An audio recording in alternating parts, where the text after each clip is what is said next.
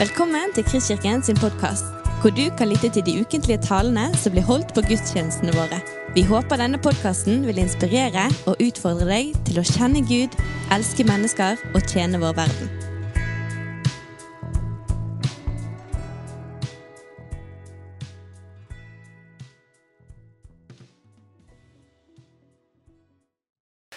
Jeg heter Kristoffer Karlsen.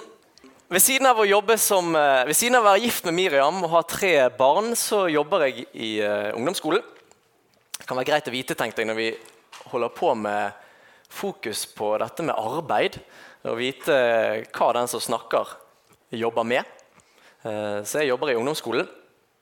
Og så er jeg uh, på fritiden Det er jo egentlig hele livet, det òg. Så er jeg eldstebror her i Kristkirken. Um, og er med og tjener fellesskapet på den måten. Ja. Har du noen gang opplevd å være i et rom, og i det rommet så, um, så er det en, spesiell stemning i rommet? Enten stemningen kan være sånn glad og lystig og lett, eller så kan stemningen være litt sånn eh, tung og irritabel og frustrert. Og så kommer det inn en person i rommet da, som får hele stemningen i rommet til å snu. Er det noen som har opplevd det noen gang? Sant? En person som gjennom en bestemt handling eller bare en bestemt måte å være på, eller kanskje den personen er bare den personen han er, så snur hele kulturen i det rommet. Du kan tenke deg at du sitter sant, i lunsjen, og så har du den ene medarbeideren som alltid liksom, tenker at glasset er halvfullt. Det er alltid halvtomt, mener jeg. Eh, og som alltid har noe å klage over og kritisere og surmule. Og ganske kjapt så kan hele praten rundt bordet i lunsjen der få et sånt negativt preg. Noen som har vært med på det noen gang? Sant? det kan styre oss.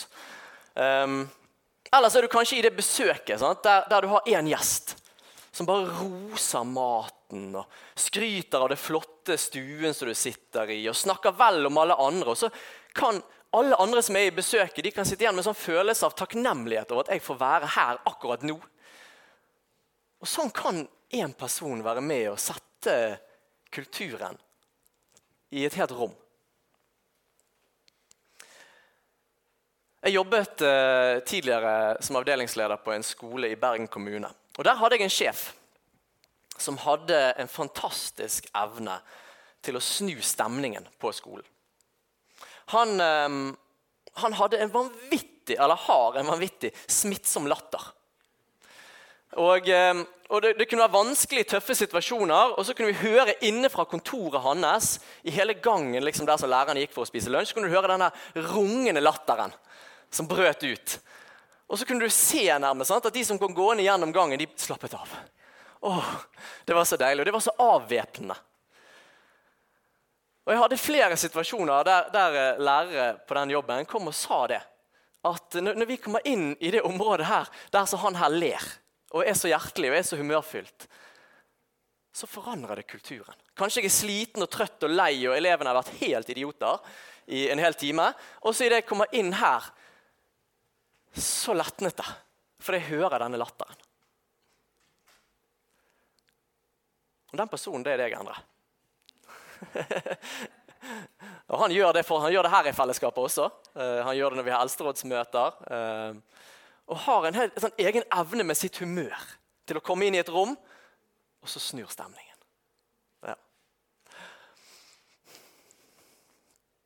Vi er altså midt i en taleserie uh, som vi har valgt å kalle Endelig mandag.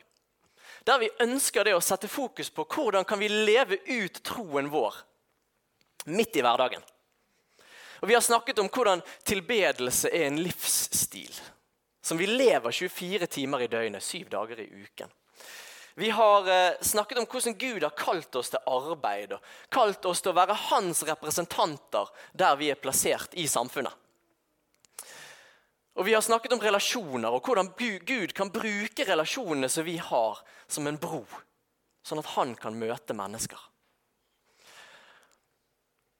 Og Dagens tema skal vi se om teknikken står meg bi, det er arbeidskultur. Hvordan vi er kalt av Gud til å være med å prege våre omgivelser. Hvordan vi er kalt av Gud til å være med gjennom å proklamere både i ord og i gjerninger at Hans rike er kommet nær. Og så kan vi få være med å se Hans rike komme, og kultur bli forandret. Så det er det vi skal prøve å gjøre i dag. Og Da skal vi ta og hoppe rett inn i Guds ord. skal vi se på det som jeg har plukket ut som dagens tekst i dag. Det er fra Romerbrevet 12. Nå skal vi lese den. Derfor formaner jeg dere ved Guds barmhjertighetssøsken. Bær kroppen fram som et levende og hellig offer til glede for Gud. Ikke bare vår lovsang, ikke bare vårt bibelstudium, ikke bare når vi faster eller ber, men bær kroppen fram som et levende og hellig offer til glede for Gud. Det skal være deres åndelige gudstjeneste. Og så fortsetter han å si hva som skal kjennetegne denne åndelige gudstjenesten. Innrett dere ikke etter den nåværende verden, men la dere forvandle ved at sinnet fornyes, så dere kan dømme om hva som er Guds vilje, det gode, det som er til glede for Gud, det fullkomne. Her er det vi er kalt til. Og Hvis vi i dag skal se litt på dette med Guds rike, og hvordan vi er kalt til å være Guds rikes ambassadører der vi er plassert i samfunnet, så trenger vi en sånn kjapp repetisjon på hva er dette med Guds rike. For Guds rike det er Guds virkelighet. Guds rike det er Guds lover. Det er hans verdier. Det er hans herrevelde. Og Guds rike det kom nær når Jesus kom til jorden. Verden lå i mørket, og så kom lyset. Og så overvant lyset mørket. Og så ser vi at Guds rike kommer med Jesus, og så trenger det gjennom. Og begynner å forme og prege. Evangeliet det er jo, ifølge Jesus, evangeliet om Guds rike om hvordan hans virkelighet kom til jorden, og hvordan de gode nyhetene om hans virkelighet, om hans herrevelde, om hvordan de overvant mørket og døden. Og så er det sånn at Selv om Guds rike kom nær gjennom Jesus, så ser ikke vi Guds rike helt fullstendig enda. Det kommer en dag der vi skal gjøre det. Alle tårer skal tørkes vekk. Alle smerter skal forsvinne. Og vi skal se Han og hans rike og hans herrevelde fullt ut. Men akkurat i dag så lever vi fortsatt sånn midt imellom. Vi ser hans rike, det har kommet, og så lengter vi og ber om enda mer. Og Guds rike det er i sin natur ekspansivt. Guds rike det utvider seg. Guds rike det vokser, og Guds rike det inntar. Og det ligger i naturen til Guds rike.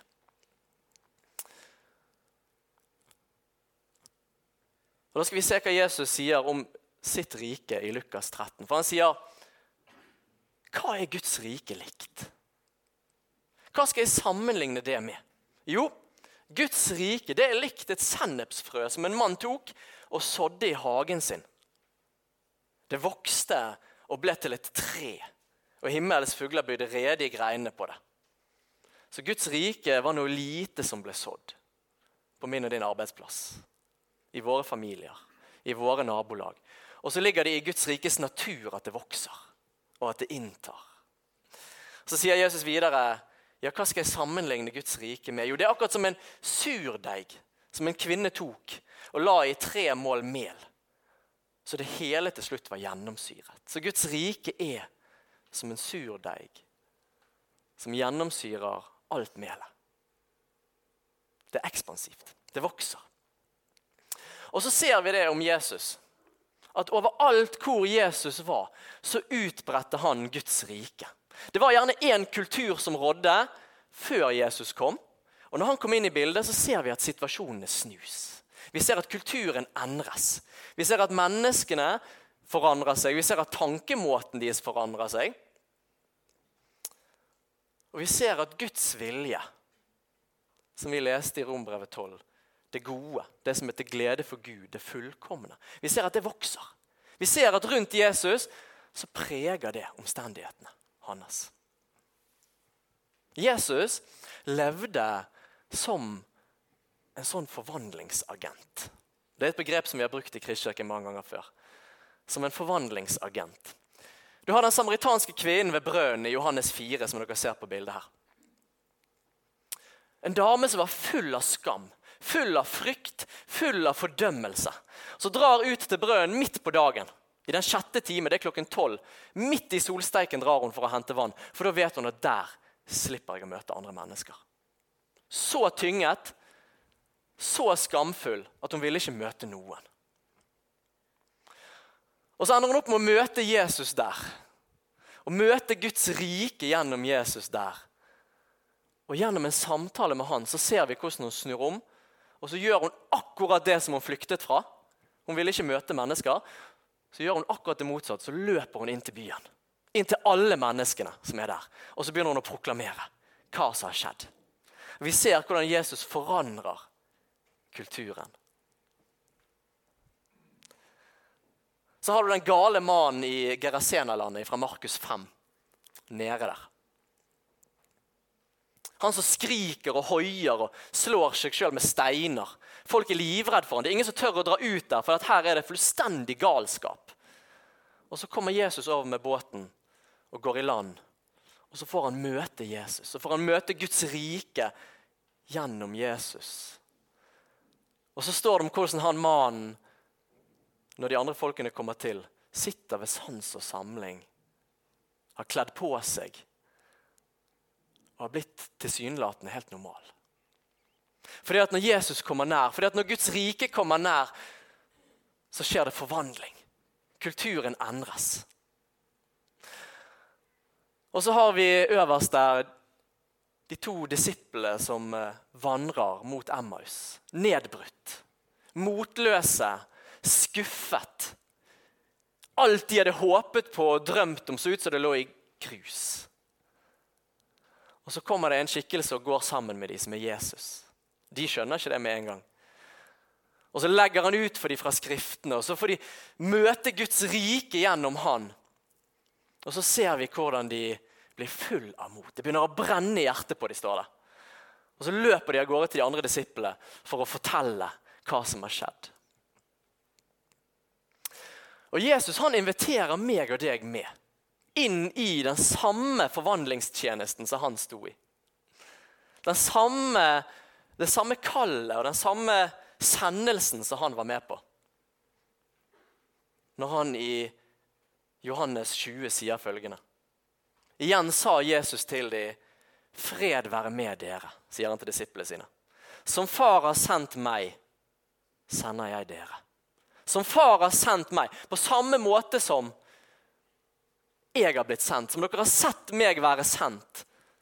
På samme måte som dere har sett meg være forvandlingsagent i denne kulturen her, inn i menneskers liv, inn i folkesamlingers liv, inn på arbeidsplasser, inn i nabolag, inn i idrettslag og på butikkene på treningssenteret. På samme måte som dere ser at jeg har blitt sendt, så sender jeg dere. Dere skal få gjøre det samme. Og så åndet han på dem og sa, ta imot Den hellige ånd. Og vi ser det at Når Jesus lærer disiplene sine å be, så lærer han de å be følgende i Matteus 6. Be om at mitt rike må komme. Be om at mitt rike må bryte gjennom. Ja, men Det har jo kommet allerede. Ja, men enda mer. Inn i de situasjonene som vi står i i hverdagen. Når han sender ut disiplene sine, så sier han til dem i Matteus 28 dere skal ut og skal dere disippelgjøre alle folkeslagene. Ikke først og fremst én og én person, men gå ut og disippelgjør nasjoner. Gå ut og disippelgjør kulturer. Gå ut og disippelgjør arbeidsplasser. Gå ut og disippelgjør familier. Gå ut og disippelgjør nabolag. Gå ut og vær med og preg kulturen.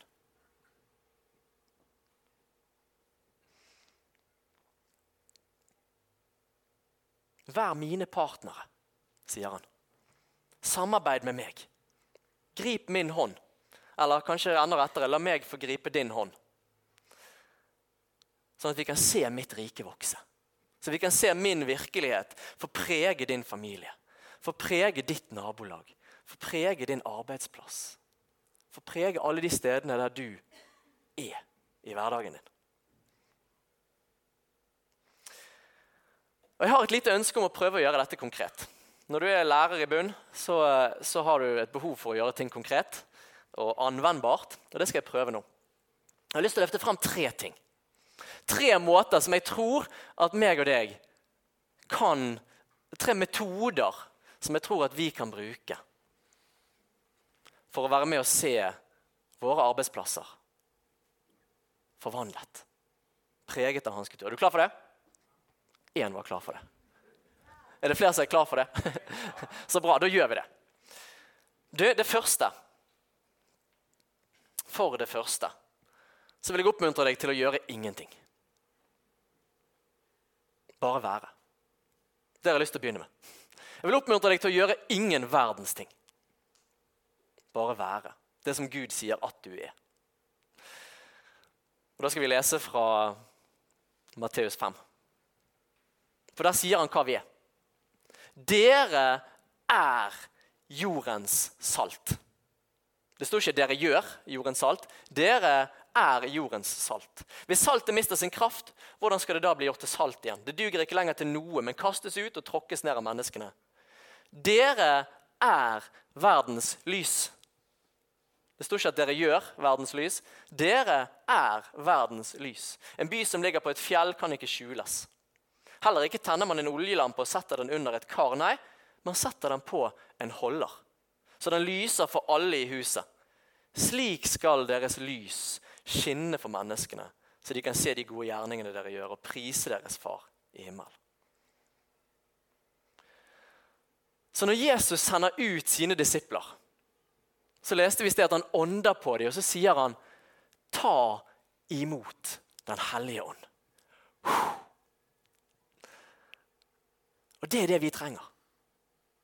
Når Den hellige ånd får fylle våre liv, når Den hellige ånd får prege våre liv, så bærer vi Hans ånd med ut der vi er i hverdagen.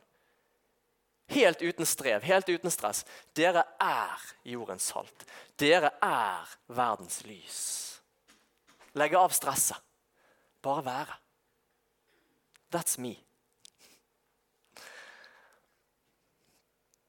Og der du er, der jeg er, der er Gud. Der jeg er og der du er, der er det salt som virker mot samfunnets forråtnelse. Der du er og der jeg er, så er det lys som tvinger mørket vekk. Og vi trenger bare å tro på det. Vi trenger bare faktisk å legge tyngden vår over på Han og si Ja, det er sant.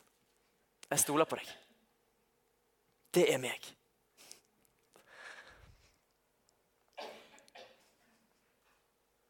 Filippabrevet 2, vers 13. For det er Gud som er virksom i dere. Så dere både vil og gjør det som er etter Guds gode vilje. Gjør alt uten murring og misnøye.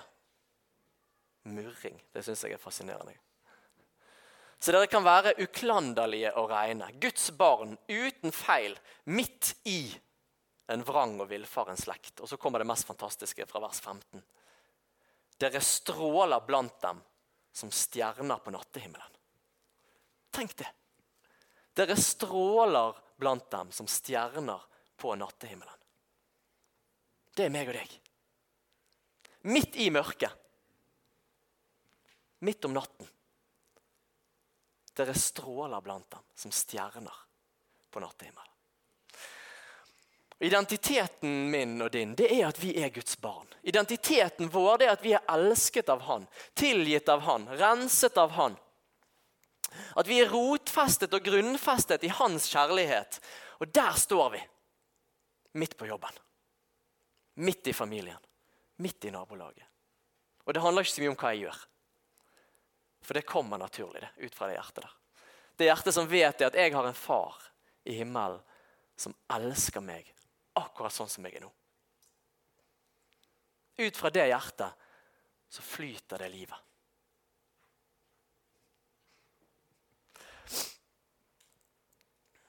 Jeg har opplevd flere ganger i skolen. Og Det kan godt være at alle lærere opplever dette, men jeg, jeg er skrudd sammen veldig sånn positiv, så jeg tror alltid at når folk sier noe fint til meg, så tror jeg at jeg er litt unik og spesiell. Jeg, har, jeg, tuller av og til med det på jobben, for jeg har en sånn enkel tro på at alle liker meg. og Det er en veldig fin måte å leve på. Det er det. Men jeg opplever av og til på jobben jeg opplever det opp igjennom, at det kommer elever til meg og så sier de, men Kristoffer, du har noe som de andre lærerne ikke har. Det er noe med deg som, som, som ikke de andre har. Og da er jeg veldig rask med å peke oppover. For jeg har ikke noe veldig spesielt med meg. Men jeg har med meg en som er veldig spesiell. Og jeg tror at det merkes. Vi kunne jo nesten tatt en håndsopprekning her. Hvor mange som har opplevd å høre det? Det er noe, det er noe med deg som jeg, som jeg, ikke ser med alle de andre. For Jeg vil tippe at de fleste her har fått høre det. Og det handler om Gud. Ok, For det andre For det andre så vil jeg oppmuntre deg til å be der som vi er plassert. Lukas 10, fra vers 5. Når dere kommer inn i et hus, skal dere først si 'fred være med dette hjemmet'. Og Bor det et fredens menneske der, skal freden deres hvile over ham. Hvis ikke skal han vende tilbake til dere selv. Bli boende der i huset, og spis og drikk det de byr dere, for en arbeider er verdt sin lønn. Flytt ikke fra hus til hus. Og når dere kommer inn i en by og de tar imot dere, så spis det de setter fram for dere. Helbred de syke, og si der Guds rike er kommet nær til dere. Lukas 10. Og vi ser det at Når Jesus sender ut disiplene sine, så får de dette oppdraget. Gå ut, og så går du inn i husene. Eller på arbeidsplassene, eller på markedene, eller i familiene, eller der du går. Og så skal du gjøre dette. Lys hans fred. Velsign. Der du er, velsign. Be om Guds fred. Be om Guds velsignelse. Og Her tenker jeg det går an å være veldig kreativ på arbeidsplassen sin. Jeg går ofte rundt og så bare velsigner jeg alt. Alt sammen på jobben min. Hvert eneste menneske, hver eneste pult til elevene, hver eneste kontorplass til lærerne, hver eneste tavle, hvert eneste toalett, hver eneste garderobe. Alt sammen. Så bare velsigner jeg. Velsign, velsign, velsign. For da bringer vi hans virkelighet inn, og hans fred inn der vi er.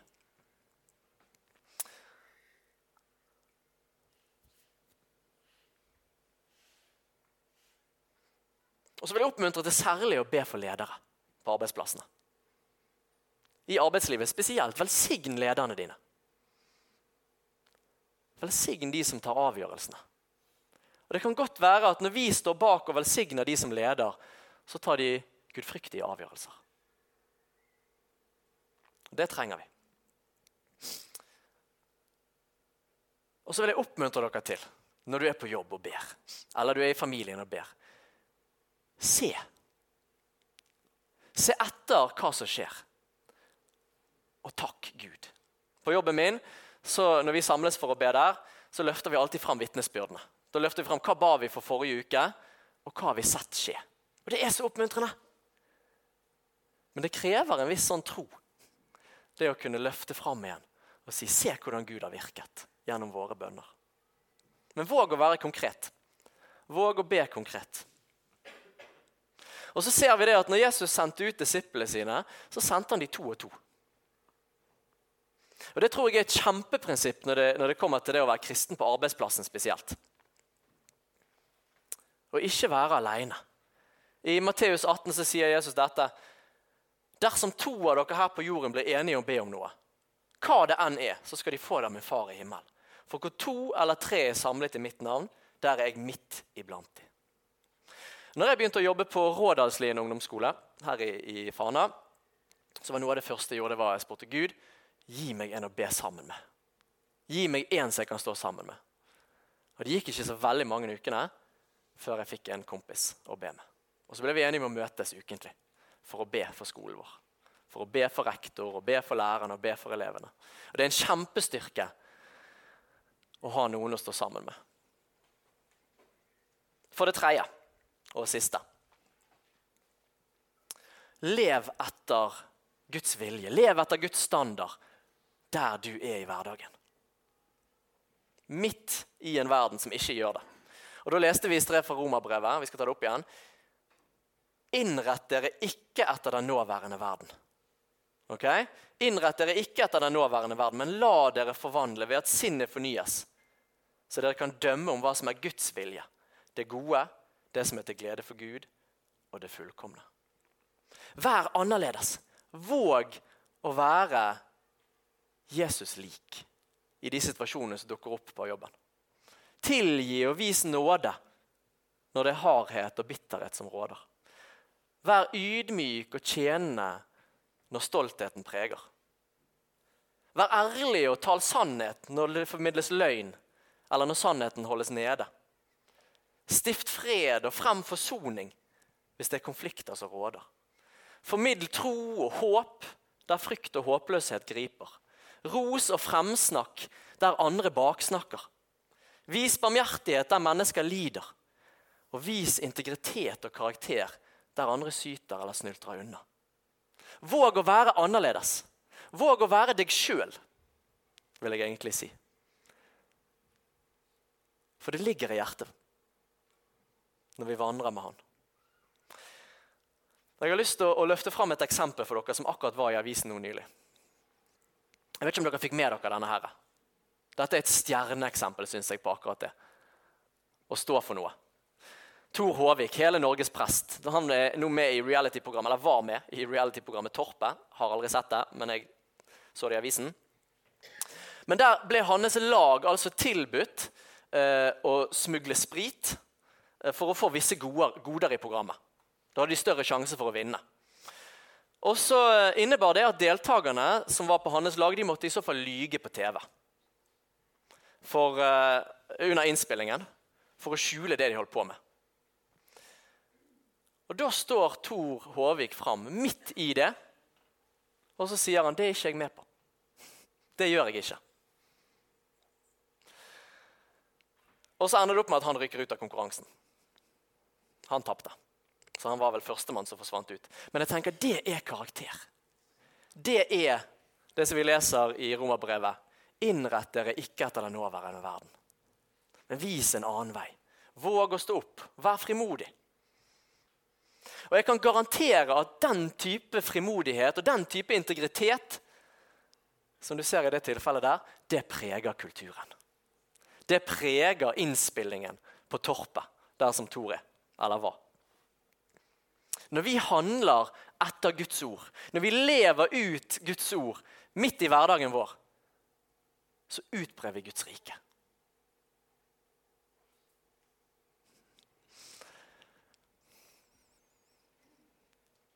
Og Som oftest så skjer jo dette i det skjulte.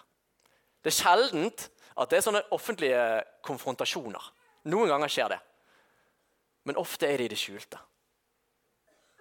Jeg har hatt en greie på min jobb der jeg alltid hvis jeg går forbi noe boss på gulvet, og det, det er det mye av på en ungdomsskole, for der hiver man alt fra seg, så plukker jeg det opp.